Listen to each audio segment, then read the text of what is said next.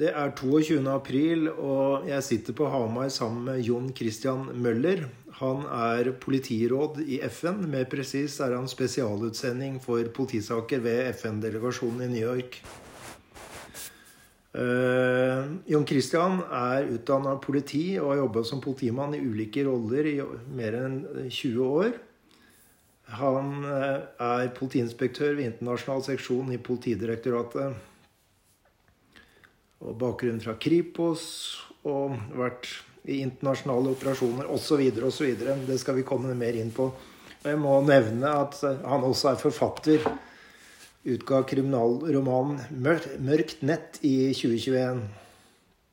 Vi skal forsøke å få fram Jon Christian Møllers tanker, erfaring og synspunkter om lederskap generelt, og spesielt om politiledelse og er ute etter hva han har lært om ledelse.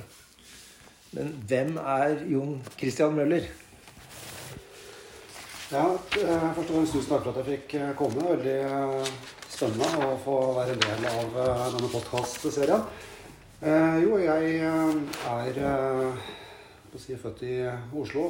Startet på Politiskolen etter gikk en veldig sånn tradisjonell vei. Så jeg var eh, tre år i Forsvaret først. Har befalsutdanning derfra. Og um, i og med at vi skal inn på internasjonal tjeneste, så var det også min eh, første nærkontakt med både FN og internasjonale forhold.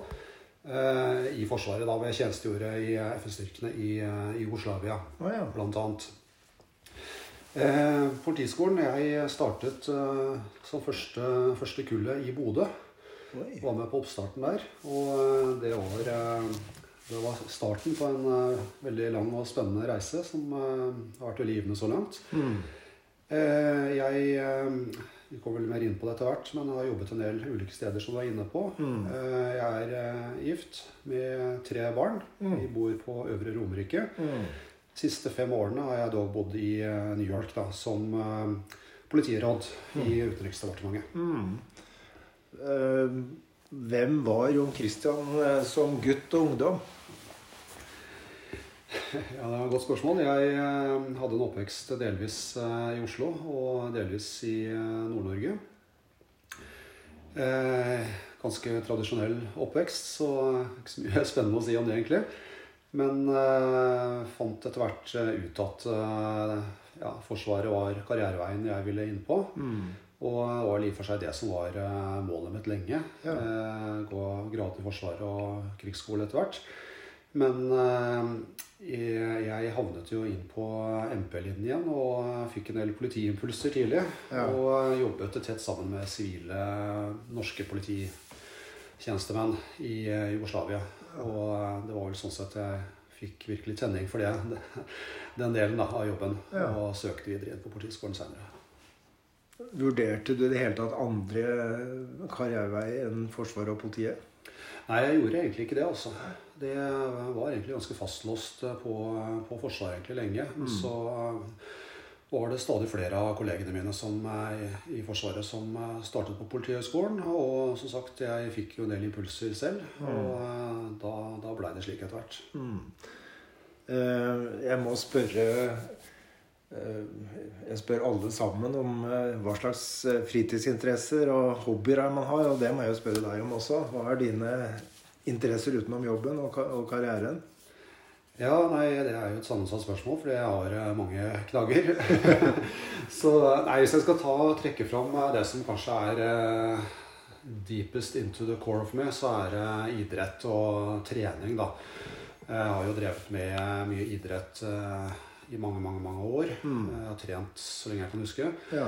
Eh, langrenn, sykkel, løping. Ja. Har eh, tre New York Marathon bak meg nå. Oi. Styrketrening i stor grad. Ja. Så, så det, er, det, er, mitt hjerte nær.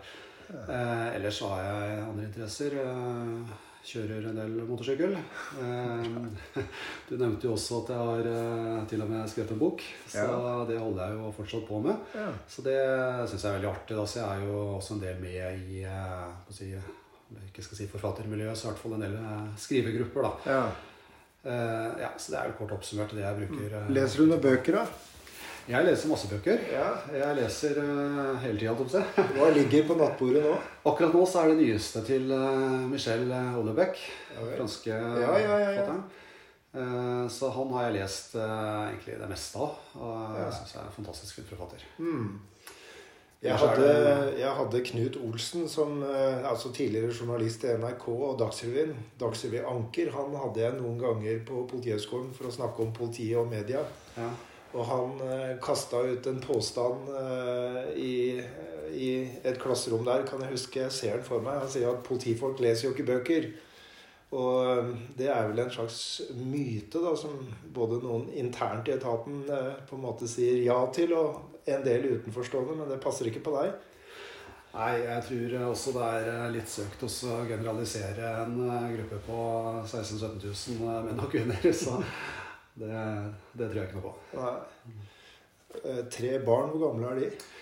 Du, De er eh, yngste. Hun er ti, og så har jeg en på 17 og en på snart 19. Ja, ja, da har du også en del der. Jeg har lest meg opp på at du også har hatt interesse for hunder og hundekjøring. Si litt om det. Ja, eh, det er jo litt morsomt, da, fordi jeg, eh, jeg starter jo i det små som mange andre med én hund, og syntes det var litt sånn kult med kjøre med pulk og strikk og sånt. Og så tenkte jeg da er det sikkert enda kulere med enda en hund. Ja. Og eh, kanskje enda en til etter hvert òg. Og så uh, virka det veldig spennende å kjøre slede. Og da måtte jeg ha i hvert fall fire, tenkte jeg. ja. Og så gikk det noen år, og plutselig satt jeg med 20. Oi. Så jeg har jo drevet aktivt med hundekjøring i Jeg holdt på i ti år, da. Og eh, har kjørt eh, ja, Femundløpet. Jeg starta i fem ganger. Mm. Eh, Jeg har kjørt Finnmarksløpet. Hæ. Og en hel haug av andre større og mindre løp, da. Og Ja. gjort det sånn til dels ganske greit resultatmessig. Hva slags hunderase hadde du da? Jeg starta Første hunden jeg hadde, var en schæfer. Ja. Men den trakk jo ikke hvis den ikke hadde noe foran seg som uh, lokka han til å trekke.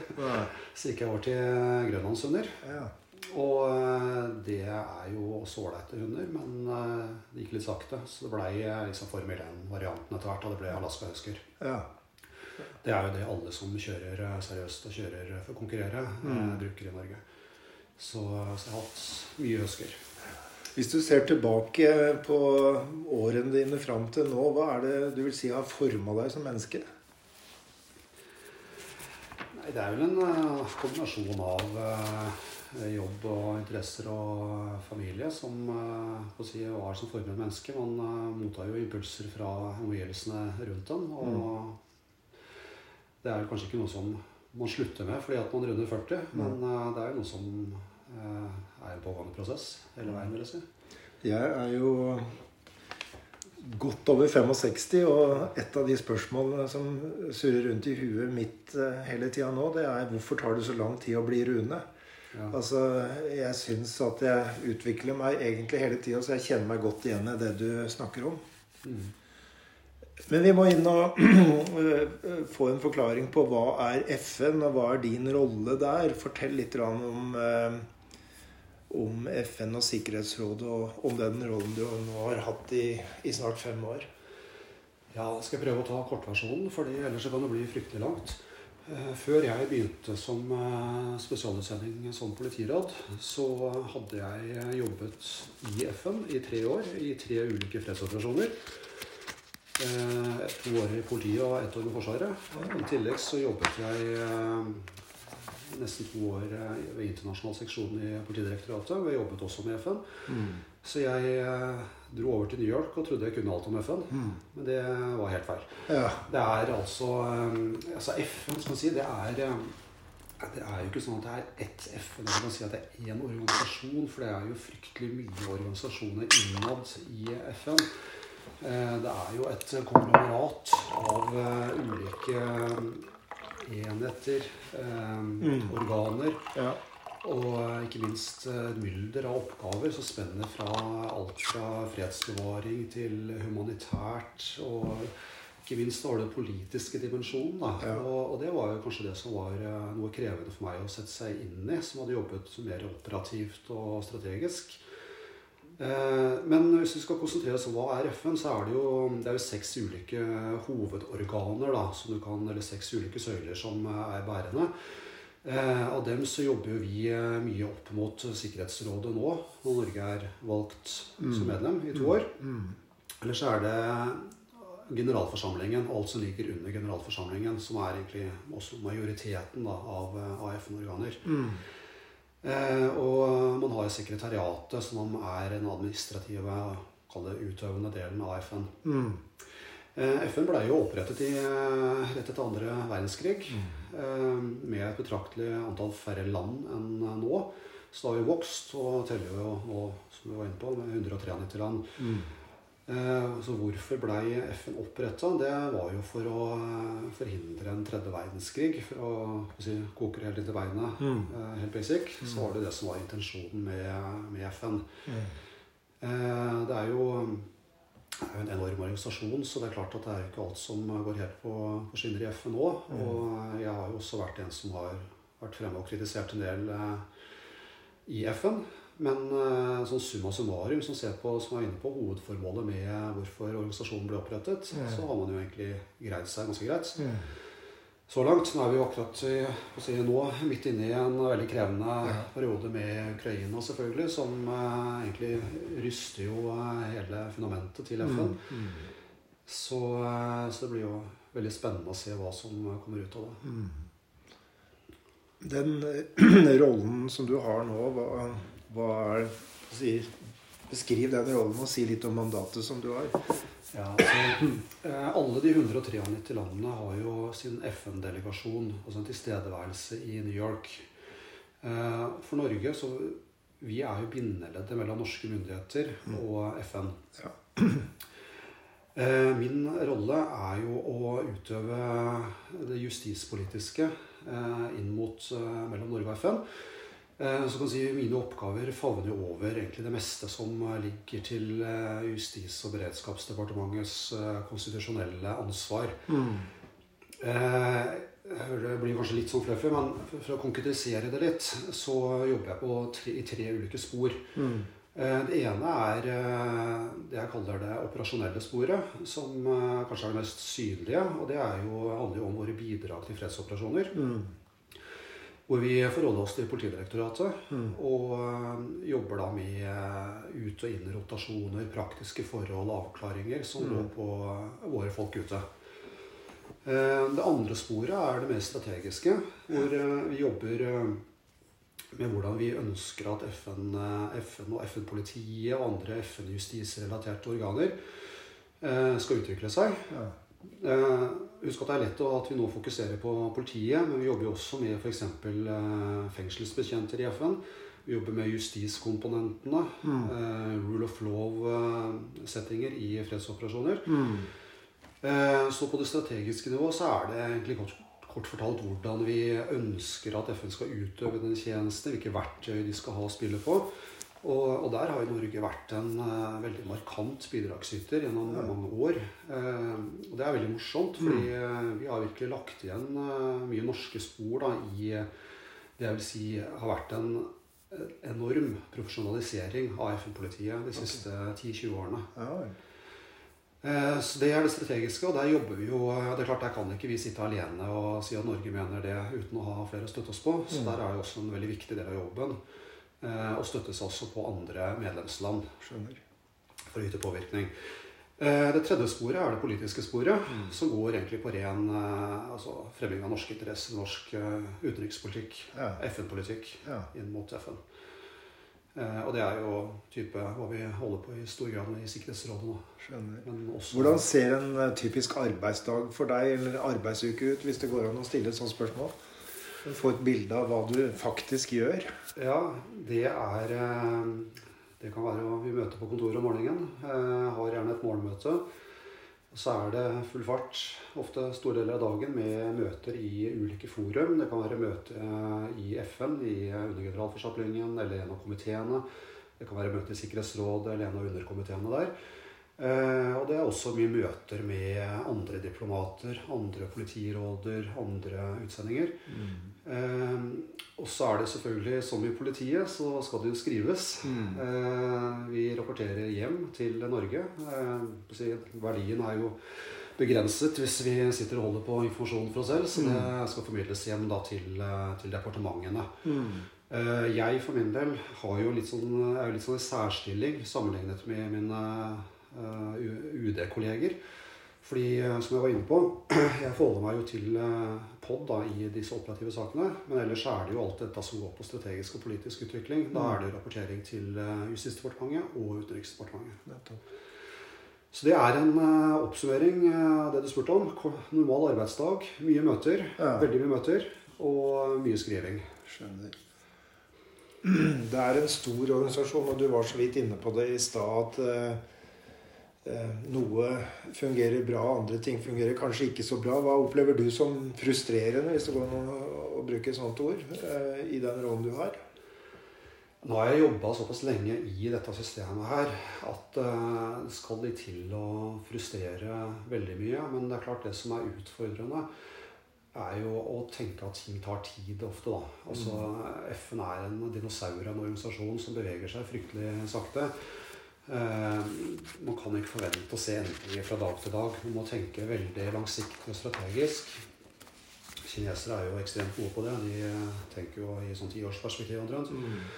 Men eh, om ikke vi gjør det, så må du tenke at ting skal komme over tid. Eh, det sier jeg også til våre folk som er ute i fredsoperasjoner. De er ute ett år om gangen. Og vi hører ofte at her skjer det jo ingenting. Hva er vitsen det vi holder på med? Men uh, det funker ikke i den settingen der. Du må se ting eh, over uh, lang tid og tenke på at man er en, med på å være en stabiliserende faktor. Eh, frustrerende sånn i min jobb Jeg vil ikke si at det er så mye frustrasjoner, egentlig, men det er ofte en del utfordringer med bl.a. jeg var inne på det at jeg forholder meg til tre ulike instanser hjemme. Eh, det kan være, om ikke motstridende, så iallfall ulike interesser på hva man ønsker å oppnå. Eh, Og det kan være utfordrende å balansere det og å si, kvittere ut til, eh, til ulike.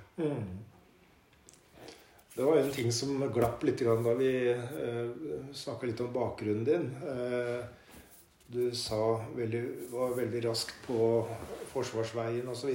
Men si litt om eh, si, utdanningen din. Litt mer konkret eh, på den, så vi vet enda mer om det. Ja, utover, eh, utover Politihøgskolen så er jeg jo selvfølgelig tatt, som de fleste andre, en hel haug av ulike interne kurs og utdannelser. Både innenfor etterforskningssporet, hvor jeg har gått en del eh, på etterforskning. Jeg tok dommeravhørsutdanning og var dommeravhører eh, i mange år. Nå heter det ikke dommeravhør lenger. Tilrettelagt avhør. Mm. Jeg har tatt en del operativ utdannelse. Jobbet som eh, politioperativ instruktør i mange år. Men uh, utafor så har jeg jo da tatt uh, årsstudium i krisehåndtering. Uh, med hovedfokus på internasjonal krisehåndtering. Var det Universitetet i Bergen, eller? Nei, det er årsstudium eh, på det som eh, den gang het Høgskolen i Hedmark. Ja. Så jeg har vært litt sånn tro mot Høgskolen i Hedmark, skjønner du. Fordi eh, det var egentlig litt tilfeldig, da. Men eh, jeg eh, jobbet jo eh, som politiførstebetjent i en del år på lensmannskontoret i Trysil. ja. Og da var det veldig praktisk at eh, Høgskolen i Hedmark hadde ledelsesavdelingen sin på Rena. Ja, Av korte vei. Så det var egentlig litt tilfeldig at jeg havna der, men jeg erfarte at det var jo faktisk en veldig bra skole. De hadde fantastisk gode lærekrefter, henta inn fra andre steder i landet og leverte veldig bra produkt. Så det var medvirkende til at jeg da også valgte å ta masterutdannelsen eh, ved samme sted. Så da tok jeg master in public administration. Eh, og det var jo et veldig spennende studie. Mm. vurderte, husker jeg, å søke også master på PHS. Men eh, litt av det av praktiske årsaker som jeg var inne på, og litt at jeg syns jo faktisk eh, Etter å ha gått veldig mye eh, PHS-utdannelser, så syns jeg at det var veldig spennende også å gå noe på utsida. Og eh, ta studiet, være med i grupper sammen med folk som jobbet eh, helt andre steder i politiet. Ja. Nå er vi jo i en sammensatt gruppe i politiet også, men eh, det er klart vi, eh, vi er veldig ofte enige med hverandre. Ja. Eh, kanskje ikke alltid kritiske spørsmål er veldig tilstedeværende. Eh, og det syns jeg var veldig spennende med å gå da sammen med folk som kom fra, med helt andre bakgrunner enn mm. meg selv. da. Og så var det et veldig bra studieprogram. Så det er kort fortalt Ja, er min utdanning. Interessant. Er Solid bakgrunn, både teoretisk og praktisk. Vi må, vi må litt inn på internasjonal organisert kriminalitet, som du også åpenbart har noe med i den rollen du har nå. Fortell litt om uh, hva, hva, er internasjonal organisert kriminalitet? Det er ikke alle som vet det. I politiet så har vi, de fleste av oss har tanker om det. Men, men hva den består av, og, og, hvordan den ser ut, det vil jeg gjerne vite litt om. Ja, nå er det jo sånn at det er jo ikke mye kriminalitet som ikke er internasjonal uh, lenger. Uh, og særlig pga. digitalisering og, uh, og utbredelse av Internett, så er det fryktelig mye som uh, fort går over grensene. Mm. Og så er det klart definisjonen på organisert er jo kjent på å si, for, for folk flest. Så den internasjonale organiserte kriminaliteten er jo veldig tilstedeværende i, i politiets hverdag. Men vi jobber jo ikke så veldig mye med Vi er jo ikke på et operativt plan eh, med det vi jobber med. Det vi jobber med, er jo eh, på si, mer på det, på det overordnede planene som, eh, som, FN skal jobbe med. Mm. Og det som jeg syns har vært veldig interessant der, det er jo å se hvordan den internasjonale organiserte kriminaliteten har nexuser til en del andre forhold. Et av våre ansvarsområder er jo bl.a. terrorisme. Og vi ser jo gjennom studier og analyser som gjøres av ulike FN-organer, hvor utrolig tett sammenkoblet uh, orgkrim mm. uh, og si, alle ulike former for kriminalitet er med terrorisme, f.eks. Mm. Uh, det igjen er jo også veldig tett koblet opp mot det som egentlig er hovedoppgaven vår, og det er å jobbe med internasjonal fred og sikkerhet. Ja. Og internasjonal fred og sikkerhet har jo endra seg eh, betraktelig fra eh, på å tenke på gamle fredsoperasjoner og, og FNs si, litt mer tradisjonelle virke. Mm. Så var det en krig med to, to land og en, si, en, en front. Mm. Eh, nå er vi jo dessverre tilbake der igjen med Ukraina, men hvis vi ser bort fra det, så har jo konfliktbildet endret seg drastisk. Mm. The battlefield i dag er ikke nødvendigvis en tradisjonell backfield, men det er en markedsplass mm. med en uh, soloterrorist med bombebelte. Det kan være innsjekkingsområde på en flyplass osv. Så, videre. så konfliktbildet har jo endra seg uh, markant. Eh, og med det så er det jo også finansieringen, bakgrunnen, eh, har jo også vært nødt til å endre seg. Man har liksom ikke stats, eh, statsfinansierte krigere i like stor grad, mm. men terroristgrupper som er da avhengig av å hente inntekter fra wherever de mm. kommer fra. Og der er jo det vi da ser gjennom jobben vår, er jo at de er veldig tett koblet da mot organiserte kriminelle. Mm. Eh, ISIL f.eks. Eh, hadde jo kjempeinntekter på, på si alt fra kjøp og salg av mennesker til eh, kulturminner hele, hele veien. Mm. Selvfølgelig mye olje også, og det samme gjelder egentlig de fleste store eh, terrorgruppene. Mm. Eh, Al Shabaab, som opererer mye i, eller som opererer i Somalia, er jo verdens rikeste terrororganisasjon. Mm. Eh, og finansierer mye pga. skattlegging internt av borgere, beskyttelsespenger. Eh, men også i stor grad eh, gjennom bl.a. våpensmugling. Da. Mm. da er vi jo inne på organisert kriminalitet igjen. Hvordan eh, ser du på koblingen mellom organisert kriminalitet og statlige aktører? Det er klart I noen land så er jo den koblingen ganske tett. Ja. Så det, det, blir jo litt mer situasjonsbestemt ut ifra de ulike konfliktområdene. Mm. Så, men det, det, som jeg synes er, bare for å spole et tak tilbake da, det som, eh, som, vi er også veldig engasjert i, er at og Når jeg sier vi, da mener jeg ikke bare vi ved FN-delegasjonen, men også jeg og mine internasjonale kolleger. Mm. Det er at vi, vi skulle gjerne sett at politiet nasjonalt i land også hadde et større fokus på nettopp det med internasjonal organisert kriminalitet. Mm. Fordi at det henger så tett sammen med de større konfliktbildene som, som vi jobber med. Mm. Og det, det, er vi jo kjent med her i Norge at at uh, dessverre så er det jo en tendens til at man, uh, man er seg selv nærmest. Ja. For å si det litt enkelt. Uh, man ser på kriminaliteten i eget lensmannsdistrikt, eget stasjonsdistrikt. Og det er klart våre justisfaglige politikere er jo veldig opptatt av den nasjonale kriminaliteten, som mm. selvfølgelig er kjempeviktig. Det er vold i nære relasjoner, det er gjengkriminalitet osv. Ting mm. som betyr noe for folk flest i vårt mm. land. Eh, men så er det dessverre en tendens til at man da kan glemme at veldig mye av den kriminaliteten da selvfølgelig har internasjonale forgreininger. Mm. Og nettopp det er eh, et tema som vi ønsker å bringe økt fokus eh, mot. da. Skjønner. Interessant. Interessant. Hva, Hva tenker du er de største utfordringene sånn på individ- og samfunnsnivå av den eh, internasjonale organiserte kriminaliteten? De største utfordringene? Ja. De største utfordringene eh, på individnivå eh, det si, Politiet skal jo nå jobbe forebyggende fram mot eh, politiet mot 2025. Mm. Eh, så klart, Å forebygge på individnivå eh, vil jo være helt sentralt her. Men mer på, på nasjonalt nivå så mener jeg nettopp det med å tette altså få et bedre samarbeid eh, innenfor internettrelatert kriminalitet, cyberkriminalitet, så er det veldig bra per i dag. Mm. Men det er et kjempepotensial for hvordan dette kan utvikles videre. Og det å da Kanskje én utfordring der er jo da å omsette ønsket villet politikk eh, til mer materialisert polititjeneste. Mm. Eh, tror jeg faktisk kan være en stor utfordring. Skjønner. Vi må over på, på temaet ledelse. Og eh, det er jo både som begrep eh, og ikke minst eh, ja, Definisjonene florerer, og det er veldig mange ulike måter å se det på. Noen framhever handlekraft og beslutningsdyktighet. Noen er opptatt av relasjoner, ydmykhet og tillitsskapende atferd. Eh, forsvarssjefen har skrevet ei eh, ganske fersk og ikke minst god og interessant bok som jeg anbefaler som ledelsesbok. Hvor eh, jeg kanskje raskt og overfladisk kan si at eh, han snakker om verdibasert ledelse, tillitsbasert ledelse, oppdragsbasert ledelse.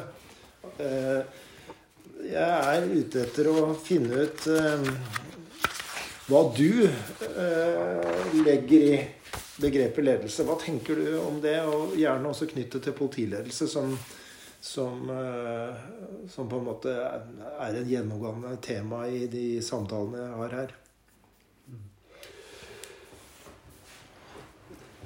Den, eh, den tradisjonelle tilnærming til ledelse si, ved å søke måloppnåelse er jo, er jo velkjent. Men det, det, som jeg eh, tenker er Det som er ledelse for meg, er jo at vi er et team sammen som eh, skal jobbe mot et felles mål. Det Det blir jo nesten en sånn klassisk definisjon. Eh, jeg tenker at jeg er jo ikke rett person heller til å definere hva som er beste måten å gjøre dette på. Det, det da er liksom litt inne på noe som, eh, som Ollebeck faktisk sier i en av sine bøker, er at uh, når noen skal definere noe som er perfekt, så har man tendens til å sette seg selv i sentrum ja. og ta utgangspunkt i det og referere til andre igjen. Ja. Men, men, ledelse er jo noe som vi var inne på hvem, hvem, er man? Når er man ferdig som person? Ja. Det samme gjelder innenfor ledelse.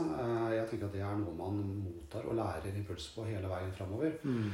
Eh, jeg syns jo at innenfor innenfor faget ledelse så syns jeg jo at noe av det, det som har vært viktigst for meg, er organisasjonskultur. Ja. Og når du er inne på hva er ledelse, jo det er jo å motivere oss å fremme et team fram mot et mål. Mm. Eh, så mener jeg at den kulturelle delen av det, organisasjonskulturen, er helt essensiell. Har i hvert fall vært for meg. Det å få en god kultur hvor vi trekker lasset sammen. Mm. Eh, og ikke minst det ser individene eh, inni det. Mm. Eh, det å være tydelig på hva man vil, er viktig. Mm. Men også det å Det høres jo blir nesten litt klisjéaktig, men det å, å, se medarbeiderne. Men det å faktisk se dem utover å si at man ser dem. Mm. Uh, mener jeg er ekstremt viktig. Og det henger jo også tett sammen da med, med organisasjonskulturen. Mm. Uh, jeg har jo jobbet i fryktelig mye ulike organisasjonskulturer og ser at det er store forskjeller. Mm. Uh, hvis vi ser på sånn som f.eks. I, i ulike FN-miljøer med masse ulike kulturer, så har det tendens til å være et veldig hierarkistisk, rigid, formelt organisasjonsmiljø. Mm. Eh, veldig strikt kultur. Eh, som jeg tror nok ikke alltid nødvendigvis eh, er positivt. I Norge og Norden er vi jo kjent for å ha en flat struktur. Helt annerledes. Mm. Men også du er inne på liksom, hva kjennetegner politikultur. Og jeg syns vi har en fantastisk fin organisasjonskultur i politiet. Selv om uh, ingenting er perfekt der heller. Uh, men uh, hvis jeg sammenligner med Jeg har jobbet i UD i, i fem år, Mm. som også har en god organisasjonskultur, på, for all del. Men eh, jeg har jo merket at det er jo enorme forskjeller. Mm. Eh, og det tenker jeg kommer mye av hvilken type jobb man egentlig utfører på bakken. Mm. eh, som er med på å forme organisasjonen og den kulturen man eh, etter hvert sitter igjen med. Har du lagd deg en form for personlig din egen ledelsesfilosofi som du kunne sånn, si i en setning i forhold til hva du Alle de elementene du legger vekt på? Uh, ja, det er et godt spørsmål. Uh, jeg, jeg tror at uh, det, jeg, har, jeg har egentlig sagt noe av det før. Jeg har vel ikke én enkel setning som jeg tenker er, er enkel å bruke. Men, men for meg handler det mye om, eh, om trivsel. eh, At man skal trives med det man eh, driver på med. Og eh, jeg gjentar meg selv nå, men jeg kommer hele tiden tilbake til det med organisasjonskulturen. Ja. Som har en god kultur med folk som trives, som føler blir sett, og som ikke minst har en stor grad av autonomi. Mm. Det mener jeg er helt essensielt. Da litt tilbake til mer rigide eh, måter å drive ledelse på, hvor eh, man ikke gir medarbeidere bestemmelsesrett og handlingsrom. Så får man jo også en kultur som er eh, preget av det. Mm. Eh, Så hvis jeg skal svare mer konkret på spørsmålet ditt, så vil jeg si at det å gi medarbeidere eh, handlingsrom og frihet til å bestemme, og så kunne stole på medarbeiderne sine, Mm. har vært egentlig for meg eh, egentlig nøkkelen til suksess innenfor det vi driver på med Ja. hos oss. Jeg har medarbeidere. Vi er et lite team. Vi er et politi- og justisteam som på det meste teller eh, fem stykker, Mm. inklusiv eh, hospitanter. Mm. Eh, og jeg har medarbeidere som jeg når Jeg når dem ikke opp til knærne engang i faglig dyktighet. De er så flinke, og de er eh, Vi har jo kjempehøy eh, søknadstall, så vi kan velge og vrake blant de beste. Ja. Eh, og det er klart, Hvis jeg skal kunne konkurrere med dem og Jeg har ikke mulighet til det. De er kjempeflinke. Men det handler om å lære seg å bruke ressursene sine. Mm. Eh, og gi stor grad av, eh, av selvbestemmelsesrett i oppgaver. Og stole på at medarbeiderne dine gjør det. Mm. Det har jeg erfart at det har fungert helt ypperlig. Mm. Så er man tilbake til det jeg nevnte i stad, man er et team som drar dette sammen. Mm. Har du noen tanker om lederen som rollemodell? Ja, det er klart at det skal man jo eh, være. Mm. Eh, eh, vi er- jobber jo mye med rollemodeller også opp mot FN. Og der syns jeg jo ble litt sånn avsporing fra det du spurte om. Men vi har jo agendaen innafor kvinner, fred og sikkerhet veldig si, i, i ryggmargen. Det ligger i DNA-et vårt. Og Mm. det også fremme kvinnelige ledere. Eh, og vi er jo i den situasjonen at vi har jo fryktelig mye gode kvinnelige ledere. Eh, det er som vi alltid bruker å si i ulike for, internasjonale forum, og da sperrer folk alltid øynene opp. eh, sier at vi, vi rekrutterer ikke eh, damer i norsk politi. Vi rekrutterer kompetanse Mm. til internasjonal tjeneste. Ja. Og så er vi jo i den heldige situasjonen at vi har en veldig høy kvinneandel, som gjør at vi har en høy kvinneandel både nasjonalt og internasjonalt. Mm. Men tilbake til spørsmålet ditt om rollefigurer. Og de er veldig gode rollefigurer. De, de er, jobber ute selvstendig og har den eh, bakgrunnen de har. Og det mottar vi faktisk utrolig mye god feedback for eh, i, i FN-systemet. Du har eh, ledere som er eh, litt annerledes enn de tradisjonelle FN-lederne. Litt mer uformelle, men samtidig klare og tydelige, og også, som var inne på i stad, eh, klare å se individene. Mm.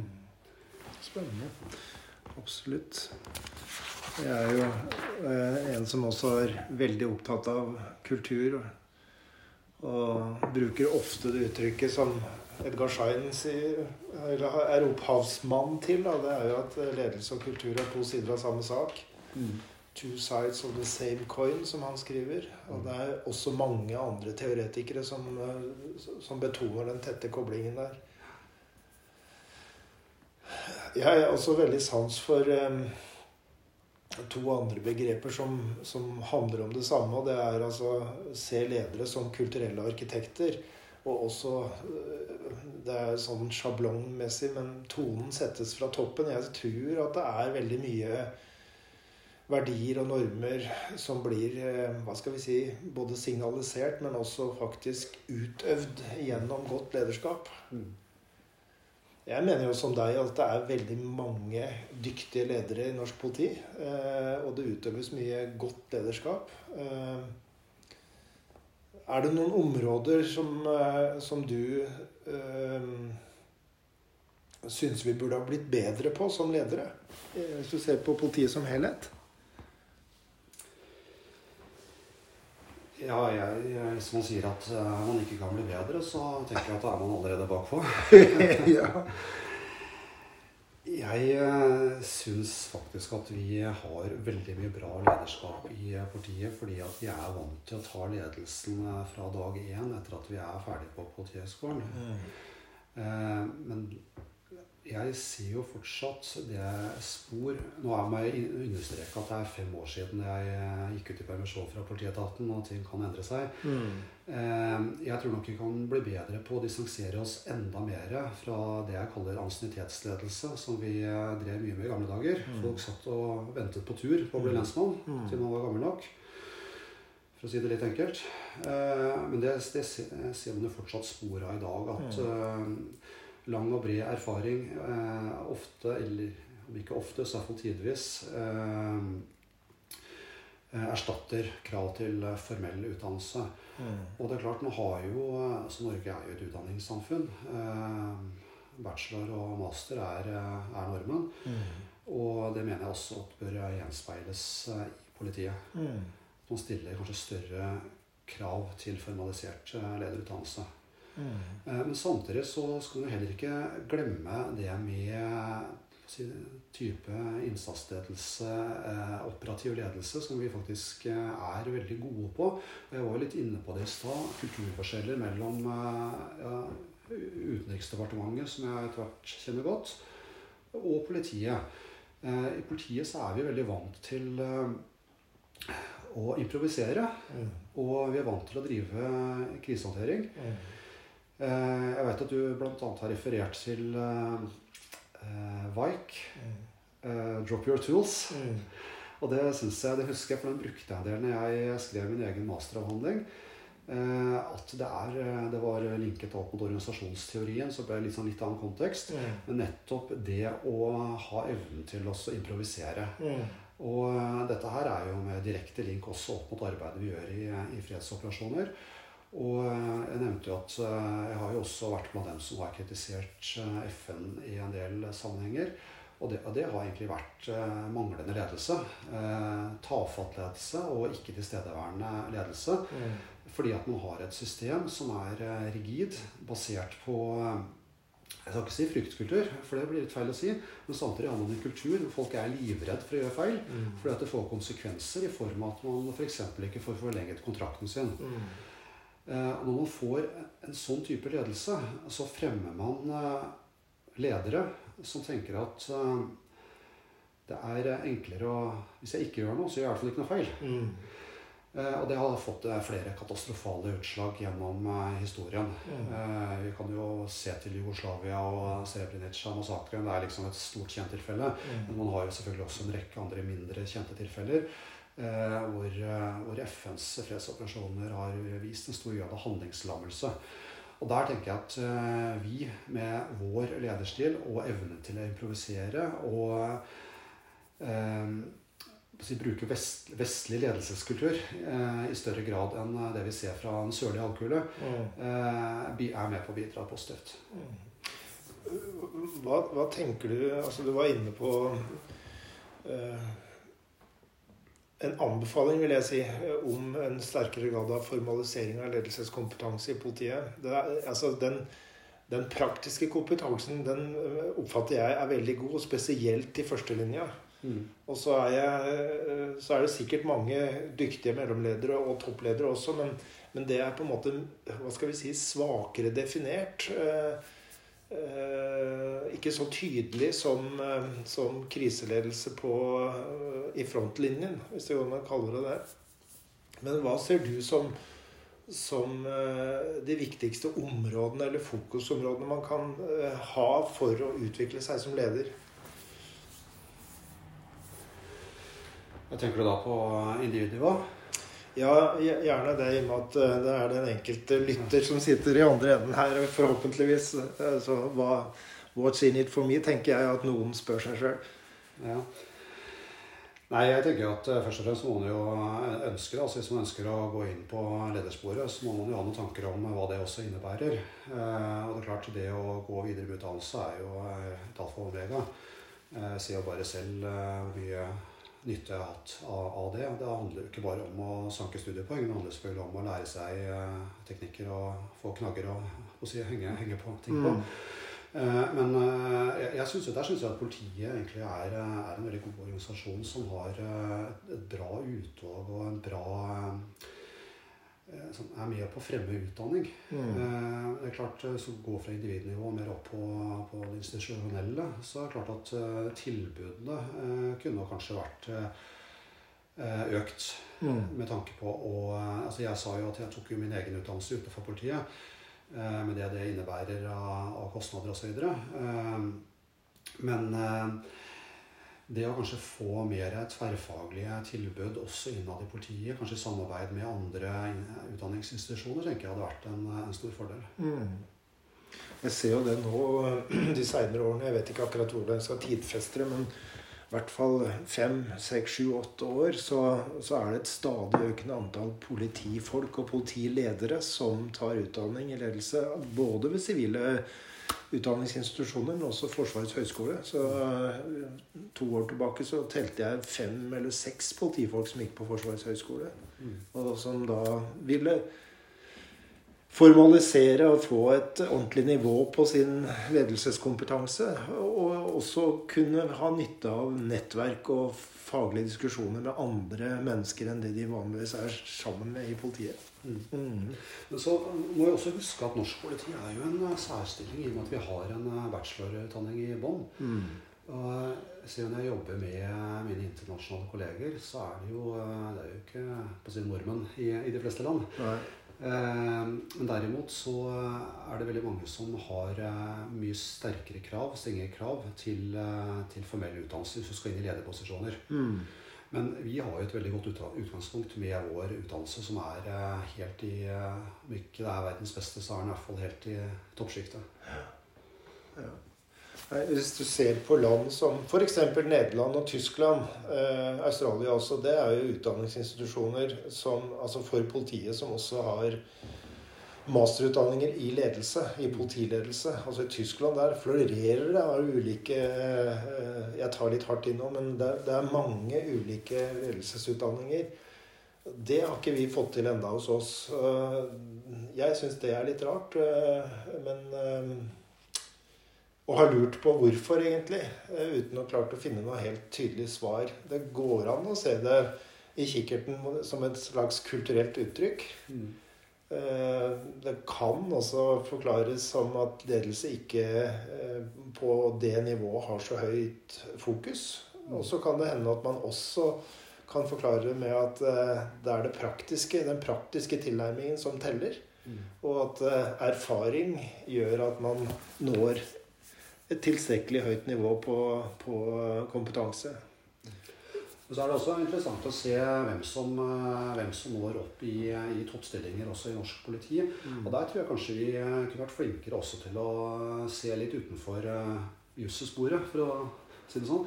Hvis vi ser på norsk toppledelse, så er det jo tradisjonelle veien er jo gjennom, gjennom juridikum. Mm. og der har jeg inntrykk av at det er kanskje mer variert i en del andre land. Mm. og det handler jo også om lederstillinger generelt. Eh, at man kanskje må være flinkere til også eh, tenke litt mer på å si, farverikt på, på hvem man ansetter. Mm. Eh, det, og du var liksom inne på dette med organisasjonskulturer eh, mellom politi og andre departementer osv. Og, og vi, vi, har jo gått i en retning hvor ting er veldig mainstreamed. Mm. Det er en veldig sånn enhetlig masse som beveger seg inn i organisasjonene, både hos oss, men uh, samme med gjennom aspirantopptak i UD. Mm. Veldig mye samme typer. Mm. Og jeg tenker at man mister litt av på å si det, fargerike innslaget og miste litt sånn enkeltindividene i, i et sånt system. Mm. Eh, og det vil jo selvfølgelig også etter hvert eh, speile seg også oppover i, i ledelsesstillinger. Mm. Så det er en ting jeg tenker at eh, man kanskje kunne vært bedre på på et organisasjonelt eh, nivå. da. Mm. Jeg nevnte for deg før vi satte på opptakeren her, at eh, jeg hadde vært på en studiereise til USA i slutten av 2001 eh, og besøkte en eh, amerikansk professor i California som hadde veldig sans for og interesse for politiet, brannvesenet osv. Og, så og hadde mange av de på utdanning i public administration. Og han også forska en del på politiet, en del i Norden, men også fra Tyskland. Og han tok opp det spørsmålet som du berører nå. altså Hvorfor er det nesten utelukkende jurister som er i toppstillinger i norsk politi? Eh, og jeg prøvde å forklare det med koblingen til eh, eh, påtalemyndigheten. Eh, og så er det noe med tradisjon og kultur osv. Og, så og så sa han Rune, da satt vi i bil og var på ferietur på Vestlandet. Eh, Så sa han Hva tror du en ung politistudent tenker når vedkommende begynner på Politihøgskolen og innser at det ikke er mulig å nå en toppstilling i politiet? Da ble jeg svar skyldig. Det Ja, jeg ble det da, altså. Og nå så jeg i, eh, i den siste utgaven av Politiforum at det er en eller annen som stiller spørsmål ved nettopp det. Ja. Ja. Eh, For noen år siden så var jeg også på en studietur, men da til England, for å se på hvordan engelsk politi eh, jobba med lederutdanninger. Og da var vi også på besøk hos eh, Chief Constable i Reading, en liten by eh, på sørkysten. Kanskje ikke så liten i norsk målestokk likevel. Da traff vi politimesteren og assisterende politimester. Og politimesteren, sånn jeg husker det, han var eh, eh, ca. 40 år. Han hadde en doktorgrad i biologi. Faren hans hadde vært polititjenestemann i hele sitt yrke. Og hans NK var en tradisjonell eh, copper eh, med 38 år i politiet og gått hele linja. Det syns jeg var den gangen var en veldig rar kombinasjon, men kanskje ikke en dum kombinasjon. Mm. Det var en sterk akademiker ved siden av en praktiker som satt i toppen. Eh, Jeg har en, eh, et, en påstand, og det er at eh, ledere bør være glad i mennesker. Det har du berørt litt, si litt om hvordan du tenker om det. Ja, nei, som sier det, det har jeg jo vært, vært eh, litt inne på. For meg så er det helt eh, basic, eh, grunnleggende. Eh, det å drive ledelse er jo for så vidt ikke en teknisk øvelse. Det handler jo om å få mennesker til å jobbe sammen mot felles mål, for å gå tilbake til grunndefinisjonen. Eh, så, og, og jeg har alltid lagt fryktelig mye vekt på det med, med trivsel. Jeg tenker at det med arbeidsmiljø og det å se menneskene er bare helt mm, basic behov. Ja. Eh, jeg, eh, allerede på Politihøgskolen, eh, mine tre år der, så jobbet vi jo veldig aktivt for studentmiljøet. Ja. Og det er egentlig noe som har fulgt meg gjennom hele karrieren. Det å skape trivsel, bidra positivt, med om det så er innafor idrettslige ting eller andre sosiale aktiviteter. Eh, og så gjerne koblet opp mot det faglige. Ja. Eh, og, det, og det vil jeg faktisk påstå har bidratt til å virkelig utvikle i hvert fall eh, meg i den, eh, den rollen som jeg har. Mm. Eh, og noe jeg har tatt vare på absolutt hele veien. Å se menneskene man jobber med, og bidra til eh, trivsel og, og utvikling. Mm. Har du tatt med deg mye av eh, altså, tenkningen din og, eh, fra befalsskole og erfaring i Forsvaret? Jeg, altså, det går jo an å koke det ned til å løse oppgaven og ta vare på folka dine. Ja? Det, det er jo som jeg sa i stad, det er jo den tradisjonelle veien igjen. da, Så, så klart det, det var en eh, god skole å gå, og eh, noe som man alltid har med seg videre. Eh, så I, I New York nå, i eh, miljøet som vi jobber i der, så er det en veldig annen form for ledelse vi driver. Som jeg var inne på i stad, så er det jo et begrenset antall folk eh, som jeg driver ledelse overfor. På det meste er vi som jeg sa, fem stykker. Og så er det klart så driver man jo ledelse overfor departementene, mer saksrettet inn, inn mot FN Mm. Så det blir litt annen type ledelse. Men eh, vi driver jo også veldig mye diplomatisk ledelse. I form av at vi leder forhandlinger. Vi, jeg, var, jeg var leder for politirådsgruppen.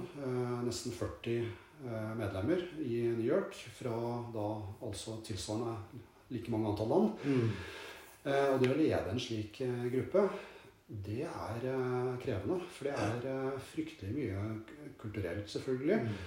Men også politisk, fordi at man kommer fra ulike regioner og land og har ulike prioriteringer. Så det må jeg si at det, har vært, det var en veldig krevende skole å gå. Mm. Som jeg føler at virkelig har gitt meg mye. Og det er klart, der er du nødt til å se, se individene, som vi var inne på i stad. Mm. Men, men, også ha god kunnskap om, om landkunnskap, prioriteringer, regionale prioriteringer. Mm. For at vi da sammen skal kunne stå som en enhet som jobber opp mot FN.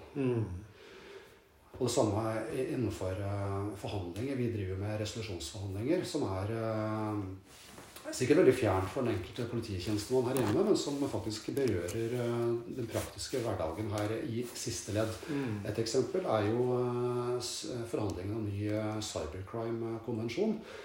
Veldig politisk, selvfølgelig, og med ulike prioriteringer fra regionene. Men til syvende og sist så er det det som faktisk berører det våre etterforskere skal jobbe med som et arbeidsverktøy når dette er ferdig om noen år. Ja. I dag så jobber etterforskerne etter Budapest-konvensjonen, som er det praktiske virkemidlet de har når de skal henvende seg til andre lands myndigheter for å få ut bevismateriale, henvende seg til Facebook for å få ut materiale, så er det den de bruker. Men dette sitter vi altså da og forhandler på politisk nivå i New York. Mm. Eh, og tilbake til hva det innebærer av ledelse. det er klart, eh, nå, nå, leder ikke jeg de eh, forhandlingene, men jeg har vært med på andre forhandlinger, bl.a. Samarbeidsavtalen med FN og Interpol, som, som jeg ledet sammen med den meksikanske kollega. Mm. Unnskyld, brasilianske kollega. Mm. Eh, og, og, det er klart, det, det stiller jo helt andre krav enn det sånn som du var inne på med befalsskoleledelse og Mm. jeg bestemmer, du skal, osv. Ja. Eh, det er klart, da, da må du å si, håndtere kart og terreng på en helt annen måte. Ja, jeg skjønner. Ja. Jeg har lyst til å gå inn på to områder som jeg har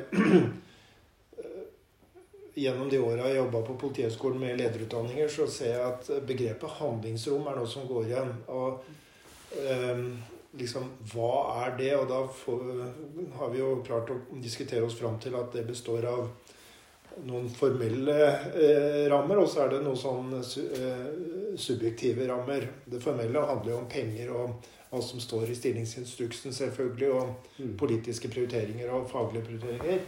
Det formelle er hvordan man sjøl oppfatter handlingsrommet sitt, og hva man gjør med det. Mm. Eh, Jeg har også vært med å intervjue en del politiledere på det i en, en studie som ble gjort i 2016 og 2017. Og, og da er det ganske mange av de politilederne vi snakka med, som sier at de syns at handlingsrommet er trangt. Mm. Mens unntaket er noen som sier at nei, jeg har så og så mange tjenestemenn, jeg har et ganske bra budsjett, og så er det om å gjøre å prøve å få det mest mulig ut av det. Og jeg kan også forsøke å påvirke eh, slik at handlingsrommet mitt øker. Mm. Det er liksom to ulike syn på det. Det ene er Nei, det er lite, jeg får ikke til noe. Jeg ville mye mer. Og det andre er at jeg har de ressursene her, og jeg kan få til mye. Hva, hva er dine tanker om handlingsrommet i ledelse i politiet?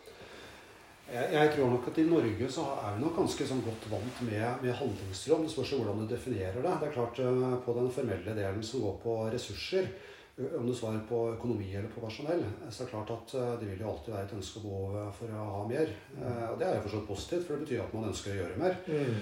Men når det gjelder si, den autonomien man har i en stilling, og det å kunne utføre jobben sin uten, altså på eget grunnlag, ta egne beslutninger, der er vi jo ganske godt stilt, vil jeg påstå, i Norge. Mm. I hvert fall hvis man reiser utaskjærs og ser litt hvordan det er i en del andre land, ikke så veldig langt unna, så er det jo et helt annet regime. Mm. Og jeg, jeg var jo også litt inne på det her i stad, det med, med handlingsrom. og jeg ser jo sånn som i FN, da, for å spole litt tilbake til FN igjen, da, i og med at det er det jeg jobber mest opp mot, eh, så ser vi jo det stikk motsatte. Det er ekstremt lite handlingsrom. Eh, Man har eh, saksbehandlernivå som egentlig ikke har handlingsrom i det hele tatt, men hvor enhver lille filleavgjørelse vil jeg kalle det, skal klareres.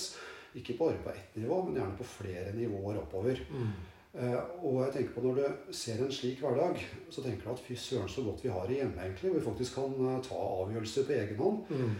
Uh, det verste jeg har sett, var en jeg pratet med en i budsjettseksjonen i en av FNs avdelinger. Han sa at eh, nei, nå har jeg liksom laget budsjettet klart.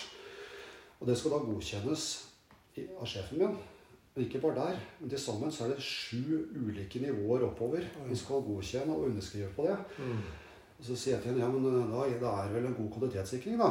Så svarer han nei, det har jo ingenting å si om budsjettet holder eller ikke holder. Det får ingen konsekvenser. Mm. Det er bare en ren formalistisk, byråkratisk øvelse fordi mm. at det skal gjennom de ulike nivåene. Og for meg så er det det stikk motsatte av handlingsrom. Mm. Eh, så tilbake til spørsmålet ditt. Eh, for meg så handler det om eh, egentlig autonomi i, i stillingen. Mm. Et annet eh, altså tema eller en problemstilling som er gjen, gjennomgående eh, knytta til politiledere, er liksom balansegangen mellom stasjon og ledelse. Og hvor eh, politiledere egentlig signaliserer, og spesielt da mellomledere, også toppledere sier det at politiet har som organisasjon blitt veldig, veldig profesjonalisert eh, fra årtusenskiftet spesielt, kanskje, og framover. Og mange nevner New Public Management. Og de sier at de bruker veldig mye tid på administrasjon, veldig mye rapportering, eh, systemer som skal følges opp osv. At de egentlig ønsker seg mer menneskeretta lederskap. For jeg hører litt av dine tanker om hva skal vi si om eh, balansegangen eller, eh, eller eh, utfordringene som knytter seg til de to vektleggingene av ledelse?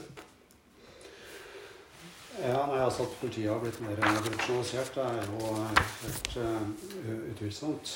Uh, og det gjelder også FN-politiet. Men det er jo en del av den uh, samfunnsdreiningen man generelt har. At for det første er det større krav til utdannelse og formell kompetanse. Eh, men så er jo også ting mer strømlinjeformet gjennom eh, faste årlige opplæringer og utdanningsløp, klareringer. Jeg si litt tilbake til det med handlingsrom. Det er klart Handlingsrommet kanskje ute i operativt nivå er kanskje litt snevere nå enn det var tidligere, hvor man kanskje hadde et større uformelt handlingsrom. Mm. Eh, men hvorvidt dette har medført eh, mer administrasjon det er klart at Skal man lage et regime som dette skal fases inn i, så må det nødvendigvis eh, administreres. Men eh, jeg har egentlig ikke noen sånn direkte eh, tanker om det. Jeg tenker kanskje derimot at det er positivt at, eh, at ting er mer profesjonalisert og, og strømlinjeformet. Mm. I hvert fall må jeg nok en gang ta forbehold om at det begynner å bli noen år siden jeg gikk i, i norsk politiskjorte. Men, men, i hvert fall den profesjonaliseringen som FN-politiet, som er jo et slags globalt politi, har vært igjennom så minner jo faktisk veldig mye om eh, litt av den samme utviklingen vi har hatt i Norge. Mm.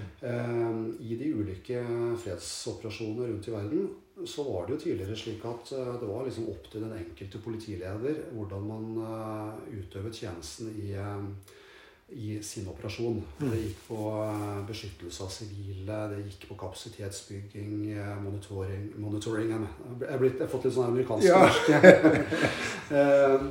Men, eh, og det er klart, det er jo sikkert vel og bra eh, for, for dem som uh, syns det er greit. men det blir, det blir veldig forvirrende. Mm. For da har du én type polititjeneste i, i Den sentralafrikanske republikk. Du har én ja. polititjeneste i Mali, én i Kongo. Ja. Uh, som ikke snakker sammen. Mm. Og, og, kanskje litt sånn var det også i, i, Norge tidligere. Man hadde det som nå heter innsatstrening, hadde man jo ulike konsepter for i ulike politidistrikter eh, mm. tidligere. Mm. Avhørsopplæringa i Norge uh, jeg tror det, det, er ingen som vil tilbake til slik det var uh, i gamle dager, når vi knapt hadde en avhørsutdanning. så jeg tenker at det, jeg syns det er positivt at det er blitt slik. Ja. Så får man heller tåle at, at dette må administreres òg. Ja. Uh, og det er klart, uh, det er jo igjen et ledelsesspørsmål hvis man føler at det uh, si, tipper over. for ledelsen handler ikke bare om å utøve ledelse nedover, men også oppover. Ja. Så det er klart da må man jo signalisere de behovene, men der føler jeg vel kanskje at politisk ledelse hører på mm. det som blir formidlet. Mm. Eh, men, men, også da, tilbake til det jeg var inne på med IF, hvordan dette er profesjonalisert, så har man jo fått et rammeverk nå som gjør at det er helt identisk uansett hvilken operasjon man er i. Mm. Eller utafor operasjon, som også FN-politiet nå har begynt å operere i, såkalte non-mission settings. Mm så er det likt. Det er gjenkjennelig. Du kan ta en police commissioner fra Sør-Sudan og putte han eller hun ned på Kypros, hvor det også er en fredsoperasjon. Mm. Og det er helt likt. Mm. Litt sånn samme som hvordan jeg var inne på Politihøgskolen har eh, da strømlinjeformet utdanningssystemet i, i norsk politi. Mm. Vi må snakke enda litt mer om politi og politiledelse, men jeg har lyst til å ta fatt eh, i boka du har skrevet, 'Mørkt nett'. Mørkt nett, så skriver du om politi og betjent Otto Bjørkås. Eh, som da skal eh, til Haiti for å lede et eh, spesialteam i FN-politiet. Har du eh, Er det Arne Bjørkås som er eh, en eller annen form for indirekte modell der? Boka mi, vet du, det er, eh, det er ta min. Dette, Ja. Jeg gikk jo, jeg har jo tenkt på å skrive noe her lenge. Jeg syns det har vært litt spennende, da, men uh, man skal liksom ha tid til å gjøre ting. Mm. Og uh, så kom pandemien, og da ble det mange ledige kvelder, kvelder i, i, New York. Så, men uh, nei, det også finne på navn i en, i en, kriminalroman, det er mer utfordrende enn man skulle tro. Man tenker ikke over det når man leser en bok, men når du sitter og skal skrive den, så må du liksom vokte deg veldig for at det ikke blir eh, Hans Hansen og Ole Olsen hele veien. Mm. Så vil man eh, prøve å finne et navn som man har litt forhold til. da. Ja. Eh, svaret er ja. ja. Eh, Arne Bjørkås ansatte meg som vikar da jeg gikk på Politihøgskolen. På eh, gamle, gamle, gamle Kripos ja. eh, den gangen. Jeg er tilbake på slutten av 90-tallet. Mm.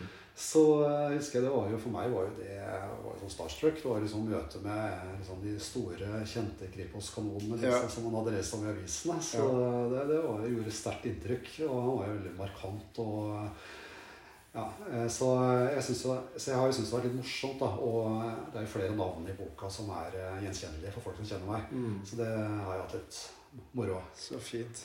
Eh, jeg skal jo skaffe meg den boka di og gleder meg til å lese den. Det er jo også Det er en tanke jeg har fått. Det er faktisk noen politimennesker som, som har skrevet, og som skriver bøker. Det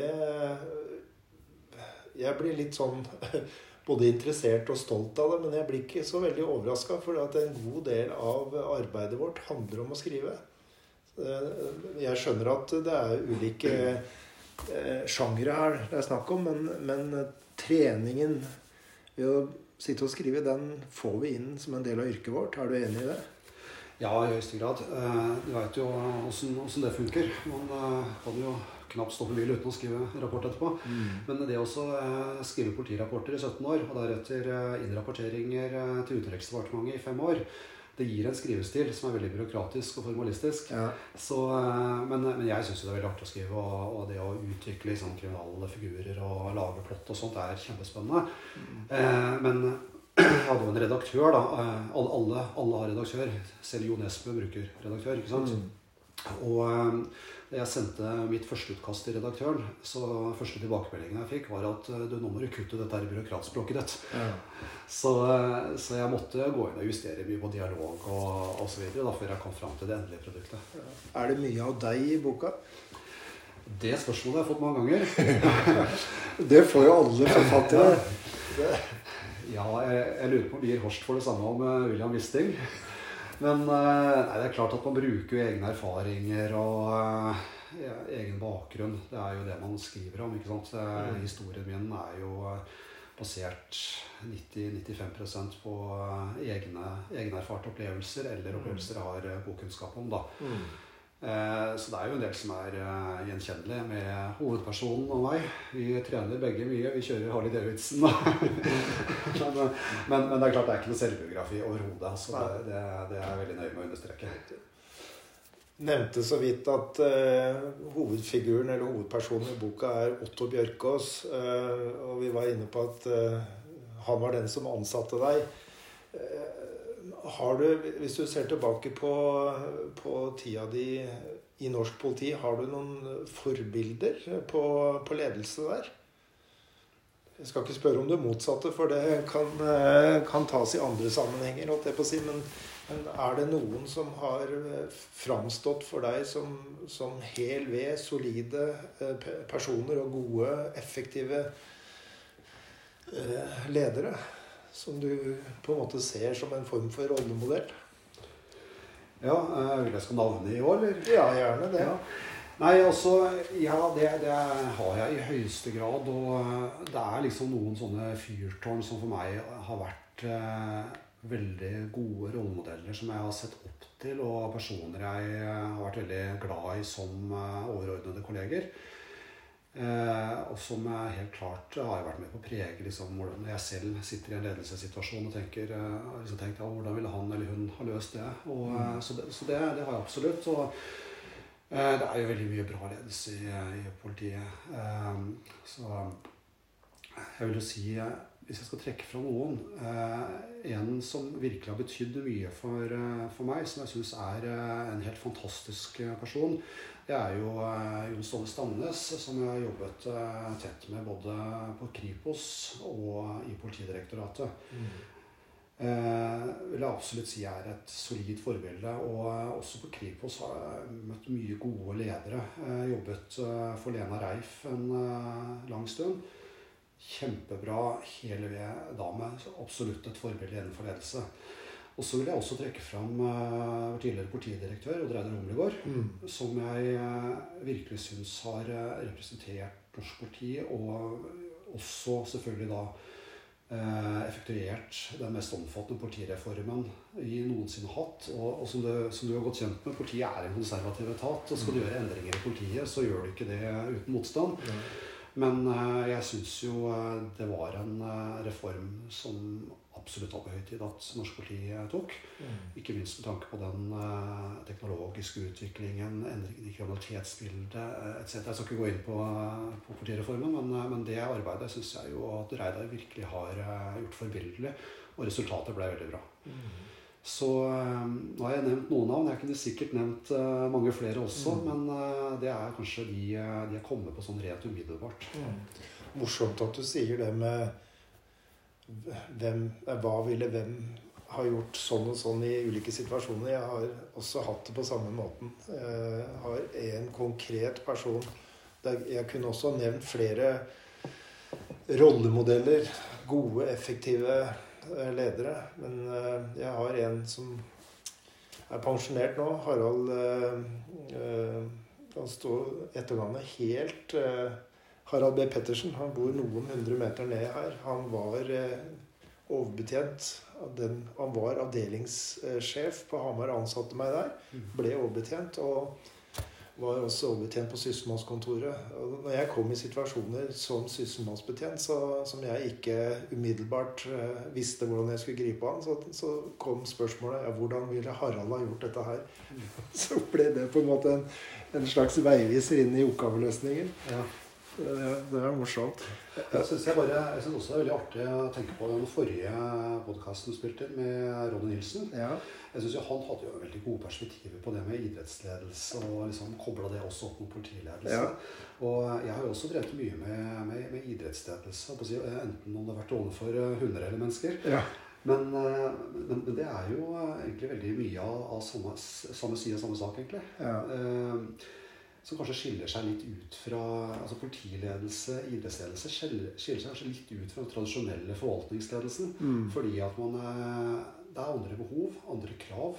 Eh, og er inne på at det er med situasjonsledelse, krisehåndtering osv. som vi har mye av i politiet. Man har jo ikke så mye av det i, eh, si, i fylkeskommunen eller i departementene Nei. på sånn måte. Nei, Nei altså, og det altså det du berører der, tenker jeg, er jo at eh, ledelse skjer alltid i en eller annen form for kontekst. Og det å være klar over den konteksten som politiet utøver ledelse i, syns jeg er, er, viktig. Og så vet jeg jo at det er ikke én kontekst, men det er mange forskjellige. Det er forskjellig å være etterforskningsleder på en uh, krevende drapssak og å være leder for uh, politiets arbeid f.eks. ved raset på, på Gjerdrum. Mm. Og det vil være andre utfordringer, andre sammenhenger og kontekster knytta til å sitte som eh, politimester, f.eks. i Bergen, i en større sak. Så kontekst betyr veldig mye. Men hvordan, hvis du skulle til et eller annet menneske utenfor politiet beskrive eh, godt og effektivt politilederskap, hvilke overskrifter eller hva slags stikkord vil du bruke for å be, beskrive det?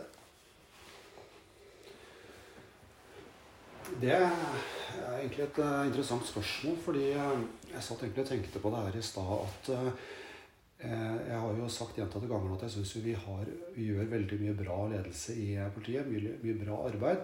Men jeg syns kanskje ikke vi er flinke nok til å kommunisere det utad. Der tror jeg faktisk norsk politi har et forbedringspotensial. Mm. Det gjelder både i nasjonale saker, men også internasjonalt. Mm. Utrolig mye forbilledlig ledelse som har vært gjort innenfor internasjonalt arbeid. Eh, men eh, tilbake til eh, spørsmålet ditt, så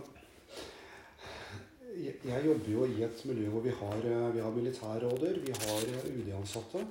Og jeg ser jo som Forsvaret er jo veldig anerkjent med sin ledelse. De er nok mye flinkere enn oss til å kommunisere det utad. Mm. Eh, så jeg har egentlig hatt litt sånn glede av å prøve å formidle litt hva vi, hva vi egentlig jobber med i norsk politi. Eh, og, og ikke minst eh, hva, hva, vi står for innenfor ledelse. Og det er jo klart det er veldig mye gjenkjennelig også fra, fra Forsvarets side. Men det å synliggjøre den akuttledelsen som vi jobber med, tror jeg vi faktisk kunne blitt mye bedre på. Mm. Du var inne på noe som type Gjerdrum-saken og også andre større etterforskningssaker.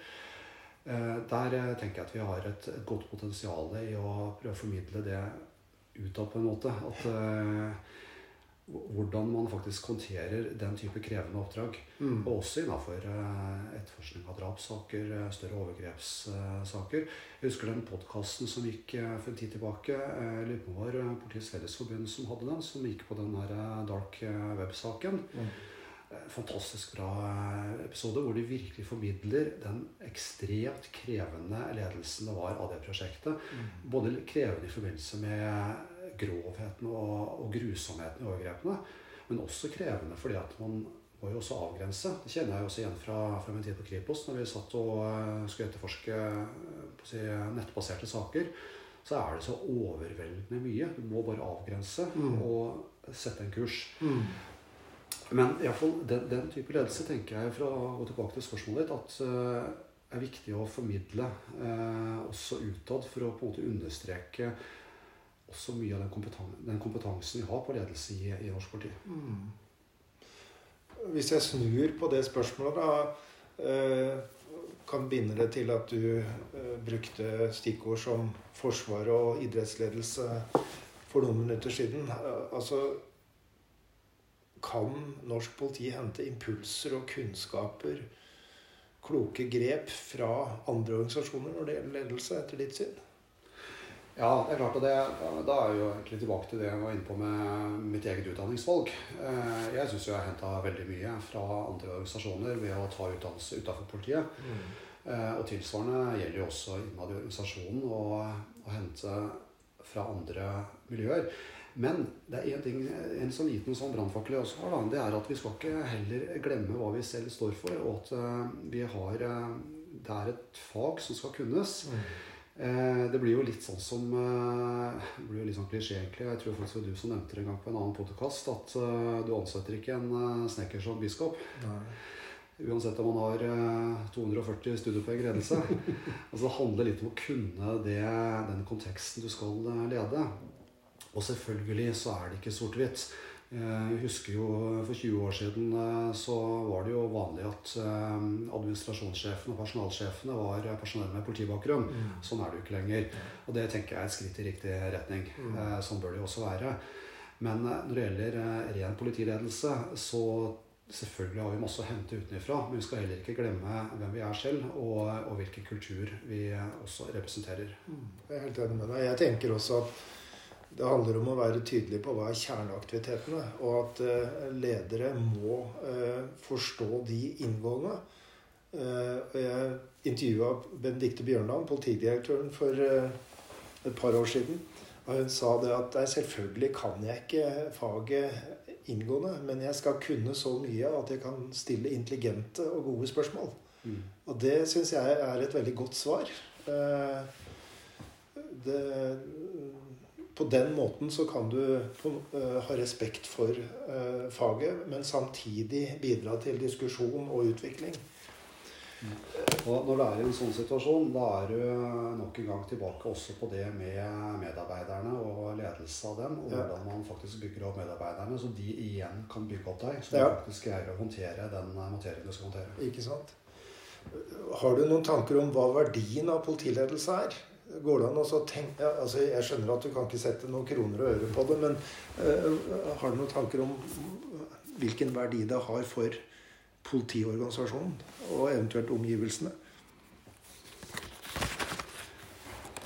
Ja, Hva tenker du på verdien av kulturledelse innad i? Altså grunn, ja, grunnen til at jeg stiller spørsmålet, det er eh, at uh, tradisjonelt knytta til profesjoner, enten det er eh, lærere, fysioterapeuter, politifolk eller andre som har eh, fagutdanninger og profesjonsutdanninger, så, så er det en form for eh, Jeg skal ikke si forakt, men det er en eh, De er litt impregnert mot ledelse. Fordi det er de som møter pasienten, skoleelevene.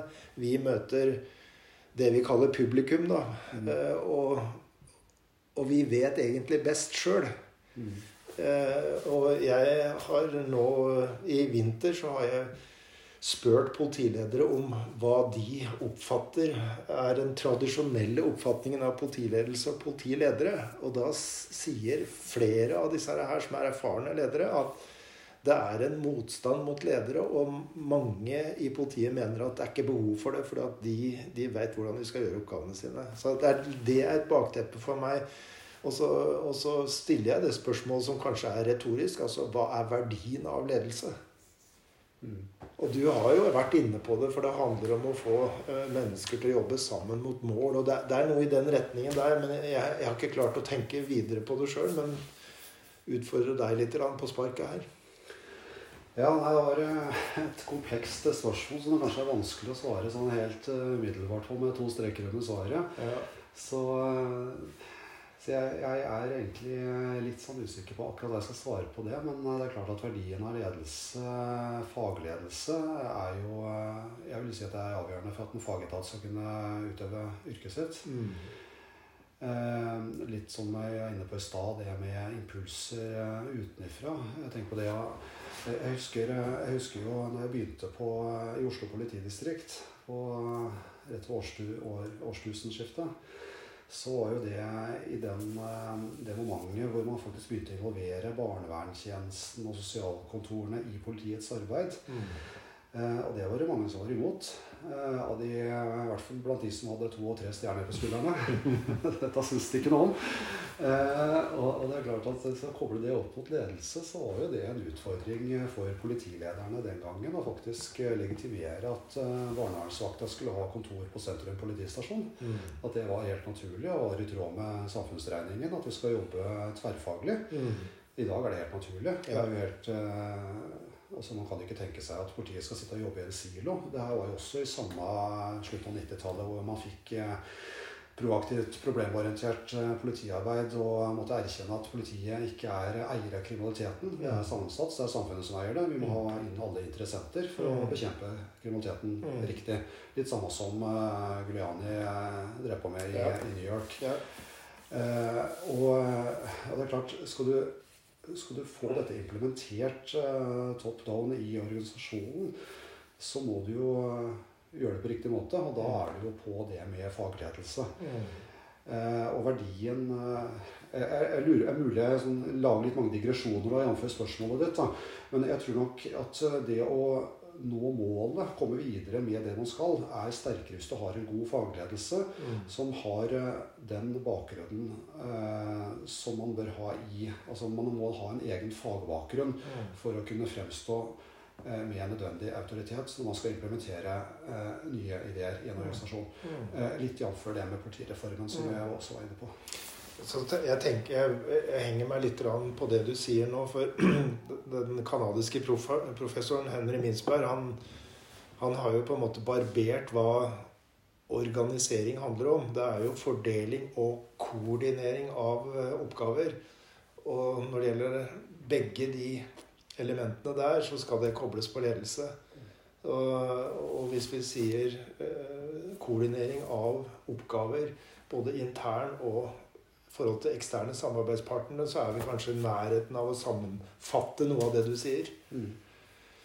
Jeg har lyst til å gå inn og spørre deg litt om åpenhet i organisasjon og tilbakemeldingskultur. Du har så vidt vært inne på det flere ganger når vi har, snakket, vi har berørt det. Eh, men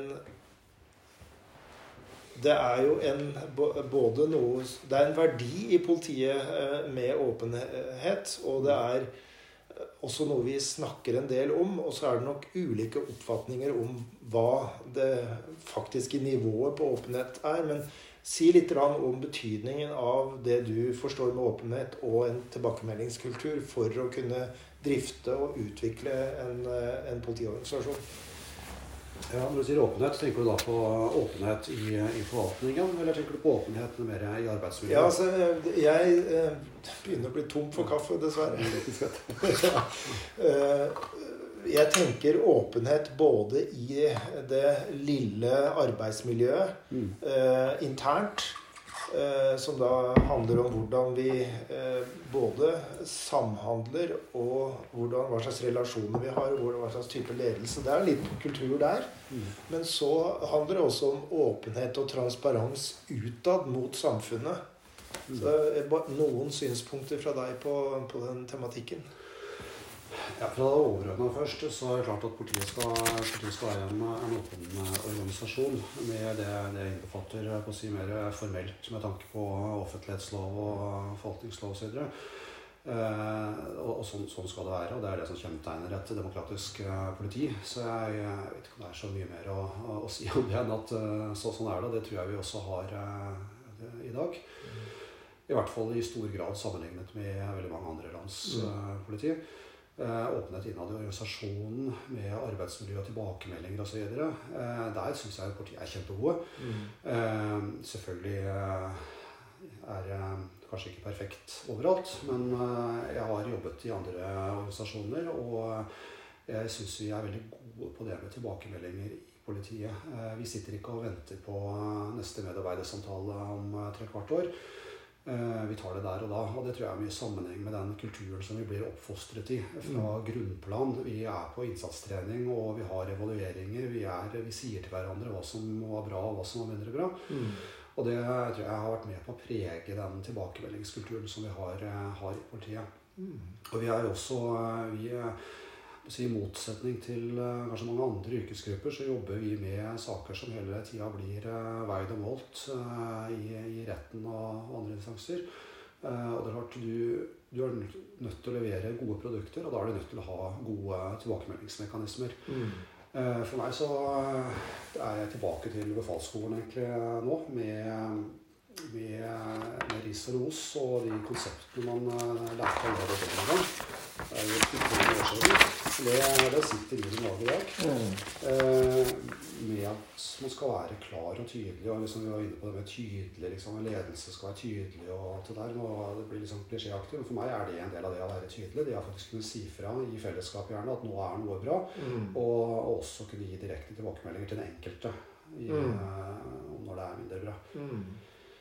Jeg har, eh, jeg har, stjålet et uttrykk eh, fra muligens fra en engelsk eh, professor Birkinshaw som snakker om brutalt ærlig tilbakemeldingskultur. Jeg kan ikke si at jeg har opplevd det like tydelig i politiet som du gir uttrykk for. Men, men jeg har opplevd det knytta til beredskapstroppen. Og der, eh, der, var det Altså, de, de, hadde en tanke om at de skulle bruke enhver situasjon til å bli dyktigere, og til at den enkelte skulle bli dyktigere, og, og sammen. Uh, så jeg tror Jeg tenker at uh, Så har jeg lest litt om hvordan ting foregår i, i Forsvarets spesialavdelinger hvor det også er en brutalt ærlig tilbakemeldingskultur med en grunnleggende holdning om at dette her skal gjøre den enkelte og sammen bedre. Eh, så jeg tror det er veldig viktig, og jeg syns det var veldig ålreit å høre det du sa. Jeg, jeg kjenner det i og for seg igjen eh, gjennom eh, måling og veiing av tilbakemeldinger under ulike situasjoner. Er det, er det etter din mening spesielt framtredende i noen avdelinger i politiet? Ja, eh, bare en sånn liten digresjon til det. At hun, eh, med det å kunne gi tydelige tilbakemeldinger og være direkte ærlig, som du sier, så må man jo også ha medarbeidere som tåler det. Ja. Eh, Så klart, det, det vil jo også være en, en avveining på hvor ærlig og tydelig man kan være overfor den enkelte. Mm. Men tilbake til spørsmålet ditt. jeg jeg syns jo vi hadde veldig gode rutiner på det på Kripos spesielt. Mm. eh, med, med tilbakemeldinger. Men eh, jeg føler vel at, vi, at dette her er noe som egentlig har eh, altså Det er veldig lett å trekke fram altså ulike spesialavdelinger, politiet og Forsvaret. og man bruker den som eksempler. Men akkurat den tilbakemeldingskulturen eh, følte jeg også satt veldig sterkt i veggene i Oslo politidistrikt på ordensavdelingen og jobbet der. og også seinere i karrieren og syns jeg egentlig det har vært uh, gjennomgående bra. Kanskje at jeg er litt preget av at jeg har jobbet utenfor politiet en stund, Mm. hvor uh, den type kultur nok ikke er like tydelig uh, som jeg syns vi har det i politiet. Og det er også en av grunnene til at jeg var litt tilbake til det vi starta med helt i starten. Det med ulike organisasjonskulturer. Mm. Og, og jeg syns faktisk det er noe vi er gode på i, i norsk politi. Mm. Dette her synes jeg var veldig oppløftende å høre. Nå skal vi gå inn for landing, som jeg pleier å si. Læring og, og, og vekst. Hva er det som har drevet deg som leder? Og uh, hva er det uh, som Er det noen situasjoner eller personer som har vært definerende for deg? Altså, hva driver deg, og hva har du lært av? Ja, nei, altså det har jo vært litt eh, Jeg føler at det har vært en litt sånn der tilfeldig eh, reise, egentlig. Eh, Ja, selvfølgelig en viss plan og mål har man jo, men for meg motiverende er jo det å Det blir jo litt sånn klisjéaktig igjen også, men det å faktisk nå, nå et mål, da. Men her begynner jo i det små med, med situasjonsledelse på, på grunnplan.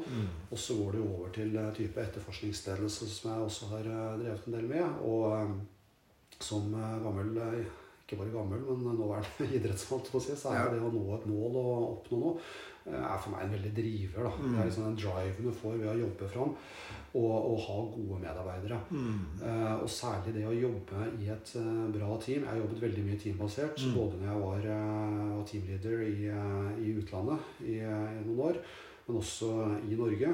Det å ha et bra team med gode medarbeidere rundt seg er jo en kjempedriv og gir positiv energi. Mm.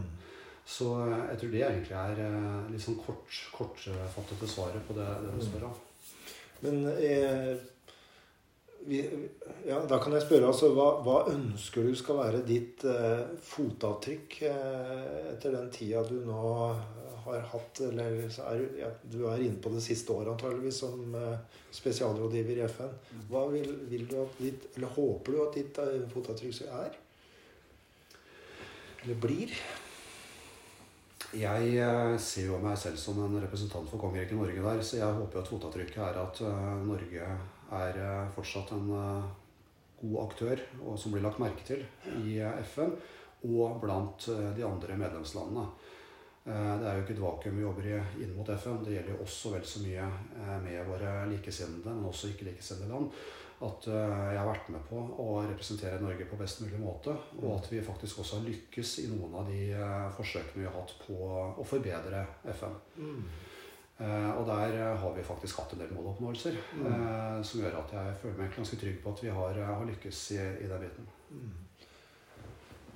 Og så Jo, også må jeg jo si at det er en annen ting jeg også vil trekke fram der. Ja. Da er vi jo tilbake på Politihøgskolen.